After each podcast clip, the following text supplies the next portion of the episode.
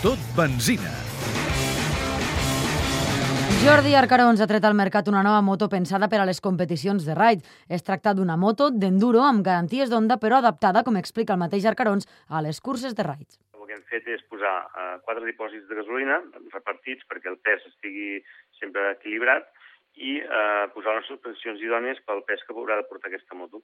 Llavors el filtre d'aire, que és una de les parts més importants, doncs s'embruti el mínim possible agafant la part d'aire més neta, que és la part superior. I després hem posat tot un, un suport per portar tots els elements de navegació, eh, com és el roadbook, el GPS, l'ID-Track, els comptaquilòmetres. Però perquè es decideix ara construir una nova moto, la resposta la trobem en l'últim Dakar. Amb la nova reglamentació, totes les motos ja eren de 4,5 i també amb la seva participació com a motxiler de Laia Sanz. Hem esperat que finalment pues, hi hagués aquest, aquest nou reglament amb aquest límit de cilindrada de 450 per poder treballar amb aquest producte. Ara que, que totes les motos han de ser de cilindrada, jo crec que doncs, totes les marques tenen aquest tipus de model de moto que amb una petita modificació o preparació, un kit, pues, eh, ens permet arribar a tenir una moto de rides. No?